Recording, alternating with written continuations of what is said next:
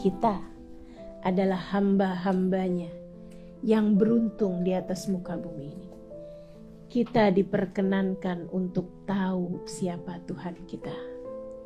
Kita diperkenankan untuk menyebut-nyebut namanya. Kita diizinkan oleh Allah Subhanahu wa taala untuk mengetahui bahwa pencipta kita adalah Dia. Itu adalah karunia yang sangat besar.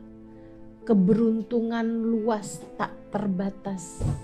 Dan itu adalah bukti kasih sayang Allah Subhanahu wa taala kepada kita sekalian. Adakah menurutmu ketika kamu menyebut namanya atau bahkan ketika kamu tahu siapa Tuhanmu dan kamu adalah hambanya, itu adalah karena kamu menginginkannya? Enggak, bukan. Tetapi karena dia menginginkannya.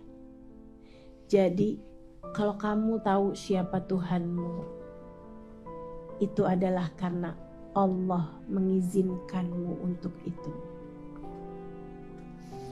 Kalau kamu menyebut namanya, itu adalah karena Allah menginginkanmu untuk itu.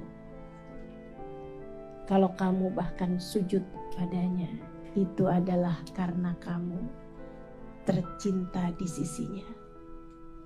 Dia izinkan kamu untuk menghadap kepadanya.